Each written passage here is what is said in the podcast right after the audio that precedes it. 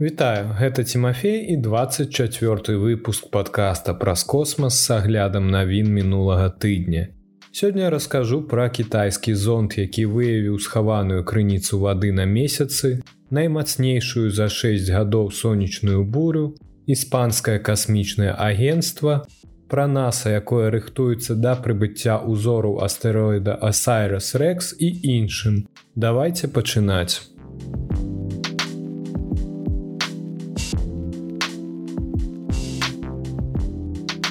Кітайскі зонт выявіў схаваную крыніцу вады на месяцы, змешчаную ў шкляныя пацеркі.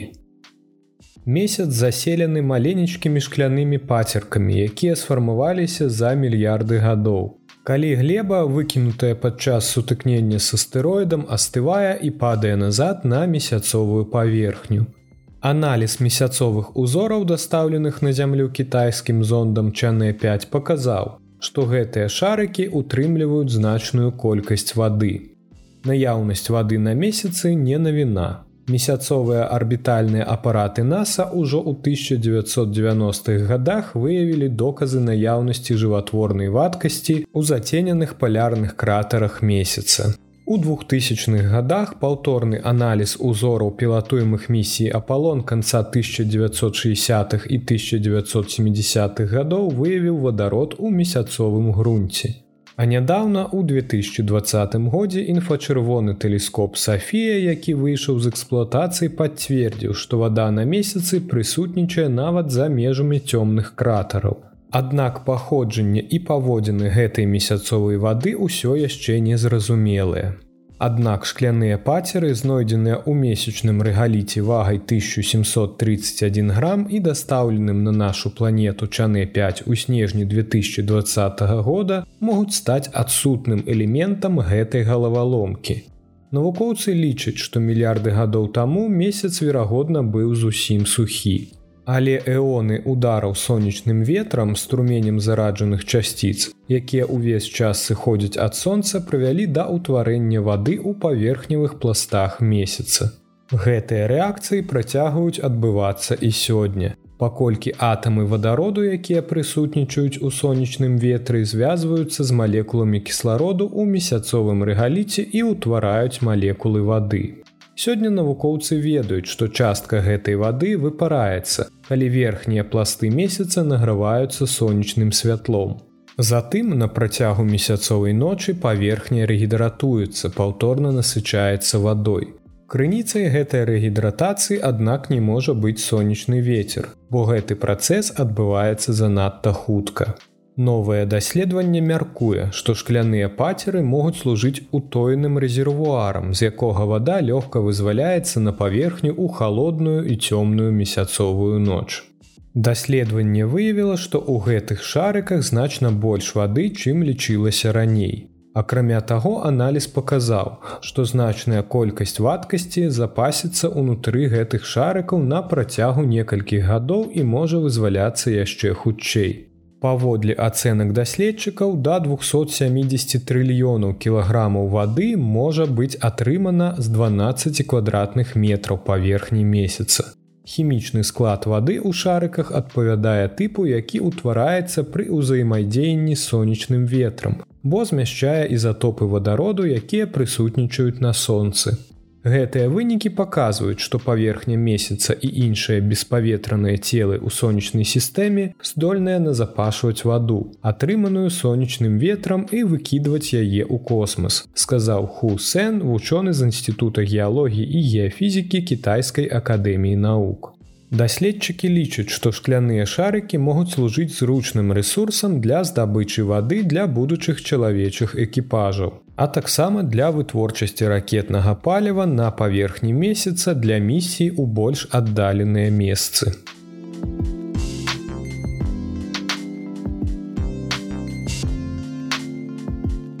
Наймацнейшая амаль за 6 гадоў сонечная буря абрынулася на зямлю 24 сакавіка застаў сіноптыкаў з нянацку.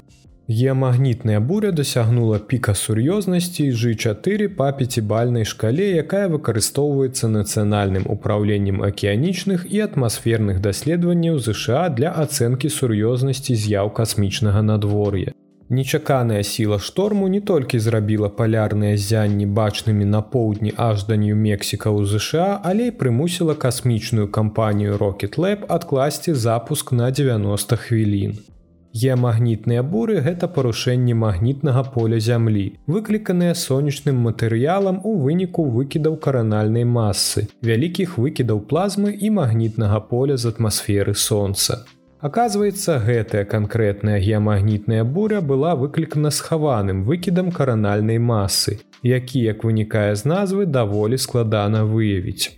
Нацыянальнае ўправленне акіянічных і атмасферных даследаванняў ЗША ранжыруе геамагнітныя буры па шкале ад G1, якая можа выклікаць павелічэнне актыўнасці палярных зяняў вакол палюсоў месяцаў і нязначныя ваганні ў электразабеспячэнні да G5, якая ўключае экстрэмальныя выпадкі такія як падзея Кэрынгтона, каласальная сонечная буря, якая адбылася ў верасні 1859 года. Бура парушыла працу тэлеграфных службаў па ўсім свеце і выклікала палярныя зянні настолькі яркія і магутныя, што іх можна было ўбачыць нават на поўдні аж да багамскіх астравоў. Моцныя геамагнітныя буры могуць ствараць праблемы для касмічных палётаў. Паколькі яны павялічваюць шчыльнасць газаў у верхніх пластах атмасферы зямлі, тым самым павялічваючы супраціў спадарожнікаў і іншых касмічных апаратаў. У лютым 2022 года SpaceX страціла да 40 зусім новых спадарожнікаў Starlink, калі яны не змаглі выйсці на арбіту пасля запуску ва умовах невялікай геамагнітнай буры. Яшчэ адным пабочным эфектам магутных геамагнітных бур з'яўляецца неверагодныя палярныя зянні, якія яны выклікаюць. Калі зараджаныя сонечныя часціцы ўразаюцца ў атмасферу зямлі на хуткасці да 72 мільёнаў кіламетраў у гадзіну магнітнае поле нашай планеты накіроўвае часціцы да полюсоў.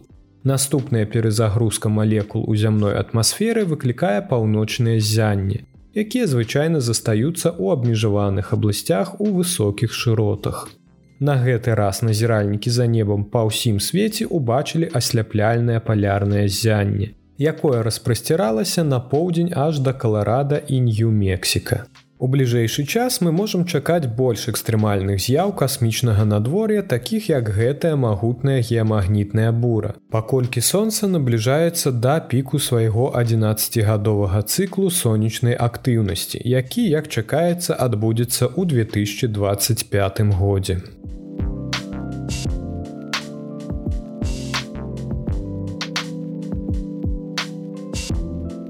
Іспанія стварае ўласнае касмічнае агенцтва. Першапачатковы бюджэт агенства складае 700 мільёнаў еўра, каб дапамагчы запусціць касмічны сектар краіны. Савет міністраў краіны прагаласаваў за тое, каб дазволіць іспанскаму касмічнаму агенству пачаць працу. Планы агенства былі афіцыйна аб'яўлены яшчэ ў маі 2021 года.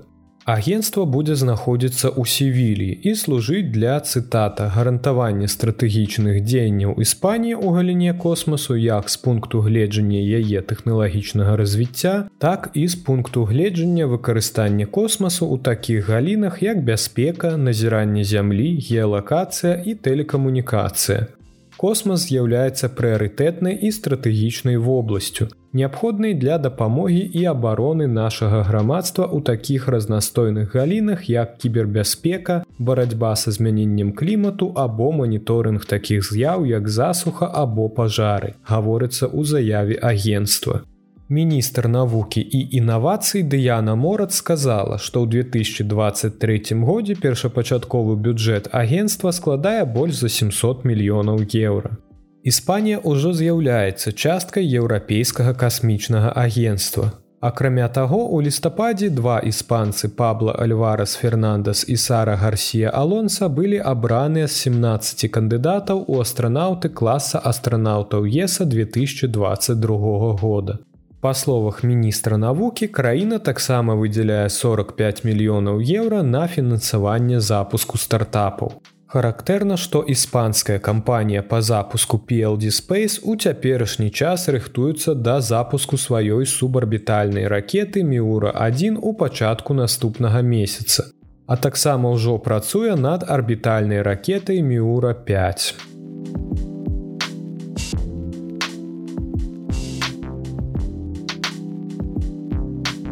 Самая магутная ракета Індыі запусціла апошнія 36 спадарожнікаў інтэрнэт-групоўкі OneWeb першага пакалення ў суботу 25 сакавіка.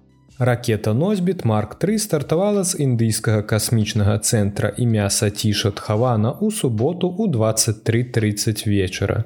Ракета падняла 36 шырокапалосных спадарожнікаў OneWeb на нізкую калязямную арбіту. Прыкладна праз 90 хвілін індыйская арганізацыя касмічных даследаванняў абвясціла, што ўсе 36 касмічных апаратаў былі паспяхова выведзены на вызначаную арбіту. Это значыць на кругавую траекторыю на вышыні каля 450 кіламетраў над зямлёй. Спадарожнікі будуць падымацца на свае ўласныя арбіты ў бліжэйшыя дні і тыдні, нарэшце спыніўшыся на вышыні 1200 кіламетраў. Суботні запуск быў вялікай падзеяй для OneWeb. Гэта была 18 і апошняя місія, прысвечаная стварэнню шырокапалоснай групоўкі OneWeb першага пакалення на нізкай калязямной арбіце. Групоўка да суботы складалася з 582 спадарожнікаў. Гэты запуск стаў адной з самых значных вех у гісторыі OneWeb на дадзены момант. Паколькі запуск дадаў да флоту OneWeb яшчэ 36 спадарожнікаў, заявілі прадстаўнікі OneWeb. Завяршыўшы сузор'е OneWeb робіць важны крок наперад у забеспячэнні глобальнага пакрыцця, дадалі яны. Большасць 17 папярэдніх запускаў OneWeb былі праведзены з дапамогай ракет саюз расійскай вытворчасці, якія эксплуатуюцца французскай кампаніяй RN Space.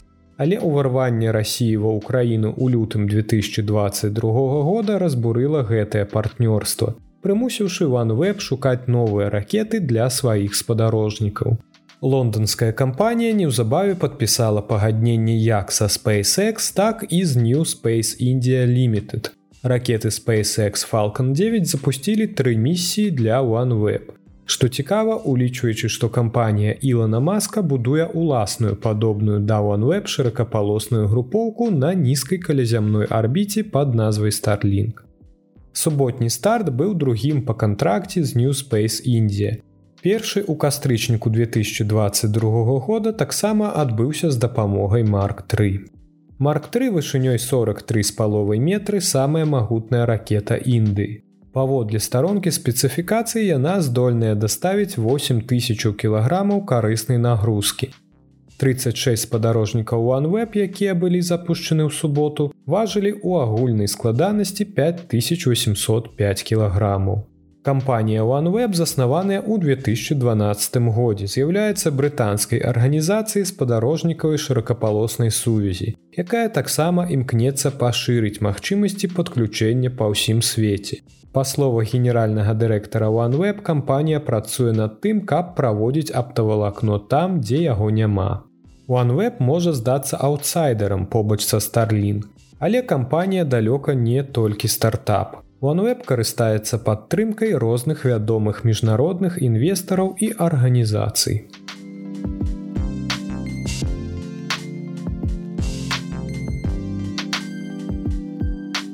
NASA рыхтуецца да прыбыцця ўзору астэроіда Осайрас Рекс у верасні.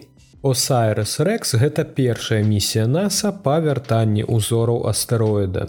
Адкушаны кавалак ад касмічнага каменя Бэну ў кастрычніку 2020 года збіраецца вярнуцца на зямлю праз 7 год пасля запуску місіі. Паколькі зонт цяпер ляціць па зваротнай траекторыі праз космас, каманда на зямлі рыхтуецца да пасадкі ўзору 24 верасня ў пустыні Юта. Калі ўсё пойдзе па плане, капсула для вяртання ўзору Осайрас Рекс аддзеляцца ад асноўнага транспартнага сродку і ўвойдзе ў атмасферу зямлі ў 1441 па Грынвічы 24 верасня. Чакаецца, што капсула зробіць адносна мяккую пасадку прыкладна ў 1454. Засталося ўсяго 6 месяцаў і экіпажы NASAа робяць тое, што яны робяць лепш за ўсё рэпетуюць трэніруюцца здабываючы ўзор вагай прыкладна 250 грамаў узяту з бэну і сочыць за тым каб ён не быў заражаны якім-небудзь зямным мікробам Як толькі капсула з узорам прызямліцца наша каманда будзе спяшацца каб даставіць капсулу ў часовы чысты пакой сказаў майк мора намеснік кіраўніка праекта ў цэнтры касмічных даследаванняў Навукоўцаў цікавяць узоры з бэну і падобных яму астэроідаў за іх здольнасці ўтрымоўваць ключы да разгадкі працэсаў фармавання планет і нават патэнцыйна малекулярныя доказы існавання папярэднікаў жыцця. Узоры метэарытаў, знойдзеныя на зямлі, карысныя для такога роду даследаванняў, але толькі да вызначанага моманту матэрыял астэроідаў сабраны ў космасе вольны ад якога-небудзь зямнога забруджвання і ўтрымоўвае часціцы меншага памеру, чым тыя, якія выжываюць на касмічных камянях, якія ляцяць праз атмасферу нашай планеты. Каб абараніць уваходны матэрыял бэну ад любых зямных мікразахопнікаў, каманда NASAа прымае шырокія меры і загадзя рыхтуецца да іх. На працягу наступных шасці месяцаў экіпажа NASAа будуць адпрацоўваць пакрокавыя працэдуры вымання і транспарціроўкі ўзору Осайрас Рэкс пасадачнай пляцоўкі тэрыторыі міністэрства абароны памерам 59 на 15 кіламетраў у касмічны цэнтр імя Джонсона NASAа ў Х'юстане. Пасля прызямлення капсула будзе дастаўлена ў мабільны чысты пакой, дзе тэхнічныя спецыялісты распакуюць цеплаахоўны экран і ахоўную абалонку карабля, каб адкрыць герметычны кантэйнер з матэрыяламі бэну. Пасля распакавання чвэрць вынятага матэрыялу будзе прызначаная для даследавальнікаў Осайрас Рэкс. Астатняе па словах NASAа будзе зарэзервавана для іншых вучоных для вывучэння цяпер і для будучых даследаванняў.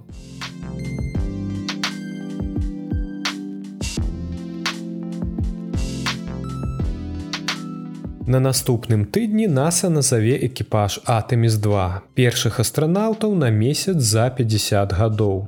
3 красавіка NASAа і канадскае касмічнае агенцтва разам прадставяць трох амерыканцаў і аднаго канадца, які адправіцца на месяц на караблі Атэміс-2, які будзе запущены не раней за лістапад 2024 года першая ў гісторыі місія чалавека на месяц пасля пасадкі апалона 17 у снежні 1972 года. NASAа паабяцала, што праграма Атэміс будзе больш рэпрэзентатыўнай для чалавецтва, чым апалон. У місіі будуць уключаны першая жанчына і першы цемнаскуры чалавек, які адправяцца на месяц але якія менавіта астранаўты будуць уваходзіць у экіпаж місіі па-ранейшаму застаецца сакрэтам, паколькі ўсе бакі старанна ахоўваюць гэтую інфармацыю да аб'явы. Вялікая падзея будзе праходзіць у Эллингтон-філд недалёка ад касмічнага цэнтра Джонсона NASAа ў Х'юстане і будзе трансліравацца ў прамым эфіры па тэлебачанні NASAа. Цырымонія павінна пачацца а 11 гадзіны раніцы па грынвічы ў панядзелак. Таму калі вы слухаеце падкаст пасля гэтай даты, то вы ўжо можете паглядзець, каго яны абралі для палёту. Атэміс-2 важны момант для NASAа, паколькі ўпершыню за паўстагоддзя чалавек наблізіўся да месяца. Шматлікія прэзідэнты ЗША спрабавалі запусціць месяцовыя праграмы праз дзесяцігоддзя пасля апалона. Але пацярпелі няўдачу, паколькі халодная вайна, якая дапамагала стымуляваць першыя месяцовыя місіі, адышла на задні план. Шмат чаго змянілась за 50 гадоў. Напрыклад, прыватныя касмічныя кампаніі могуць пастаўляць частку крытычна важнага абсталявання і перапрадаваць яго іншым кліентам у будучыні. Прыклады ўключаюць касмічны карабель SpaceX, які павінен высадзіць Атэміс3 на паверхню месяца не раней за 2025 год. Кампанія Axiom Space і Colin Space таксама ўзначальваюць каманду па распрацоўцы скафандраў для месяцовых экскурсій. Каб яшчэ больш скараціць расходы, NASAа таксама распрацавала іншую структуру ў рамках пагаднення Атміс Акоц, якія цяпер падпісаны 23 краінамі. Пагадненні ўяўляюць сабой рамкі мірнага асваення космасу, якія ў кароткатэрміновай перспектыве аб'яднаюць эканамічныя рэсурсы іншых краін, якія жадаюць адправіцца на месяц. У адрозненні ад 1960-х гадоў, калі даследаванне космасу было маладой галіной з некалькімі краінамі удзельніцамі, NASAа такім чынам падзеліць расходы па даследаванню месяца па праграме Атэміс з такімі буйнымі гульцамі, як еўрапейскае касмічнае агенцтва і Японія.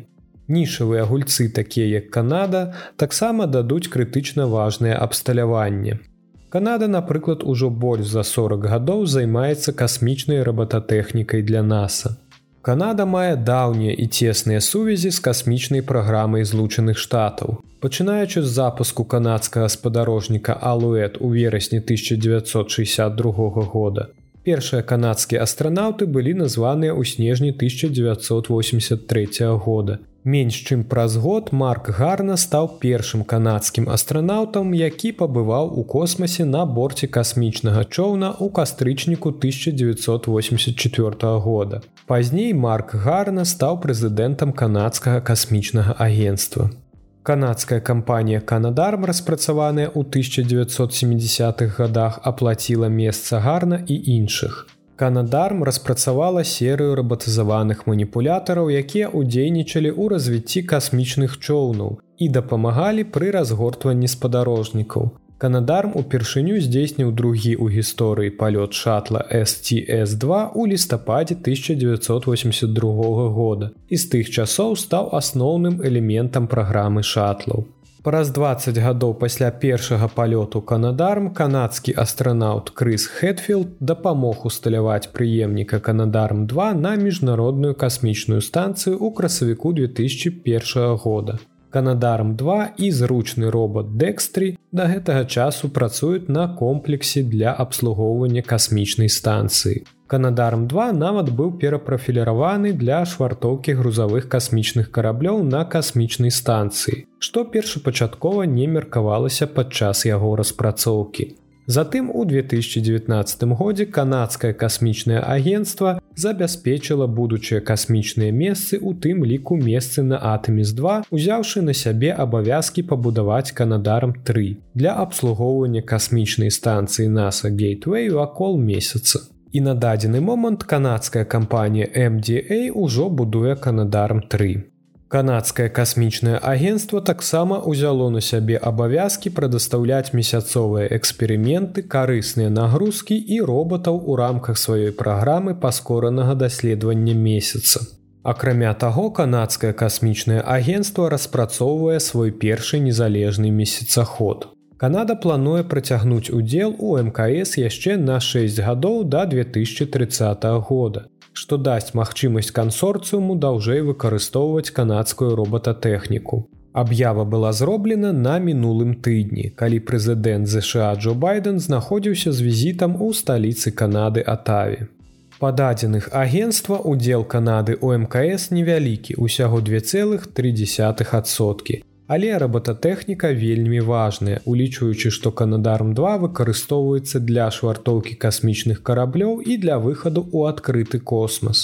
З далучэннем Канады да групы пашырэння МКС усе асноўныя партнёры акрамя рассіі абавязаліся працаваць над арбітальным комплексам пасля 2024 года. Белы дом афіцыйна падпісаў падаўжэнне NASAа ў жніўні 2022 года, а неўзабаве пасля гэтага Японія і еўрапейскае касмічнае агенцтва ў лістападзе далучыліся да гэтага спісу. Тым часам Расія можа сысці з МКС ужо ў 2028 годзе. Большасць касмічных партнёрстваў краіны за выключэннем мкс былі разарваныя пасля асуджанага міжнароднай супольнасцю ўварвання рассіі ва ў украіну ў мінулым годзе. Гэта ўсе навіны, пра якія я хацеў распавесці вам у выпуску. Цяпер пагаворым аб падзеях наступнага тыдня. 6 красавіка нас чакае красавіцкая поўня, вядомая як ружовы месяц. Наступіць поўня ў 5 гадзін 34 хвіліны раніцы па грынвічы. Сёмага красавіка ракета SpaceX Falcon 9 запусціць спадарожнік сувязі Intelsat 40 і для Intelsat са станцыі касмічных сіл на мысе Канаверал Флорыда. 9 красавіка ракета SpaceX Falcon 9 запусціць місію транспортер 7 з базы касмічных сіл Вандерберг у Каліфорніі. Місія даставіць некалькі невялікіх мікраспадарожнікаў і нанаспадарожнікаў на сонечна-сінхронную арбіту. Дзякуй, што даслухалі да канца. Вялікі дзякуй маім патронам. Да пабачэння пачуемся на наступным тыдні.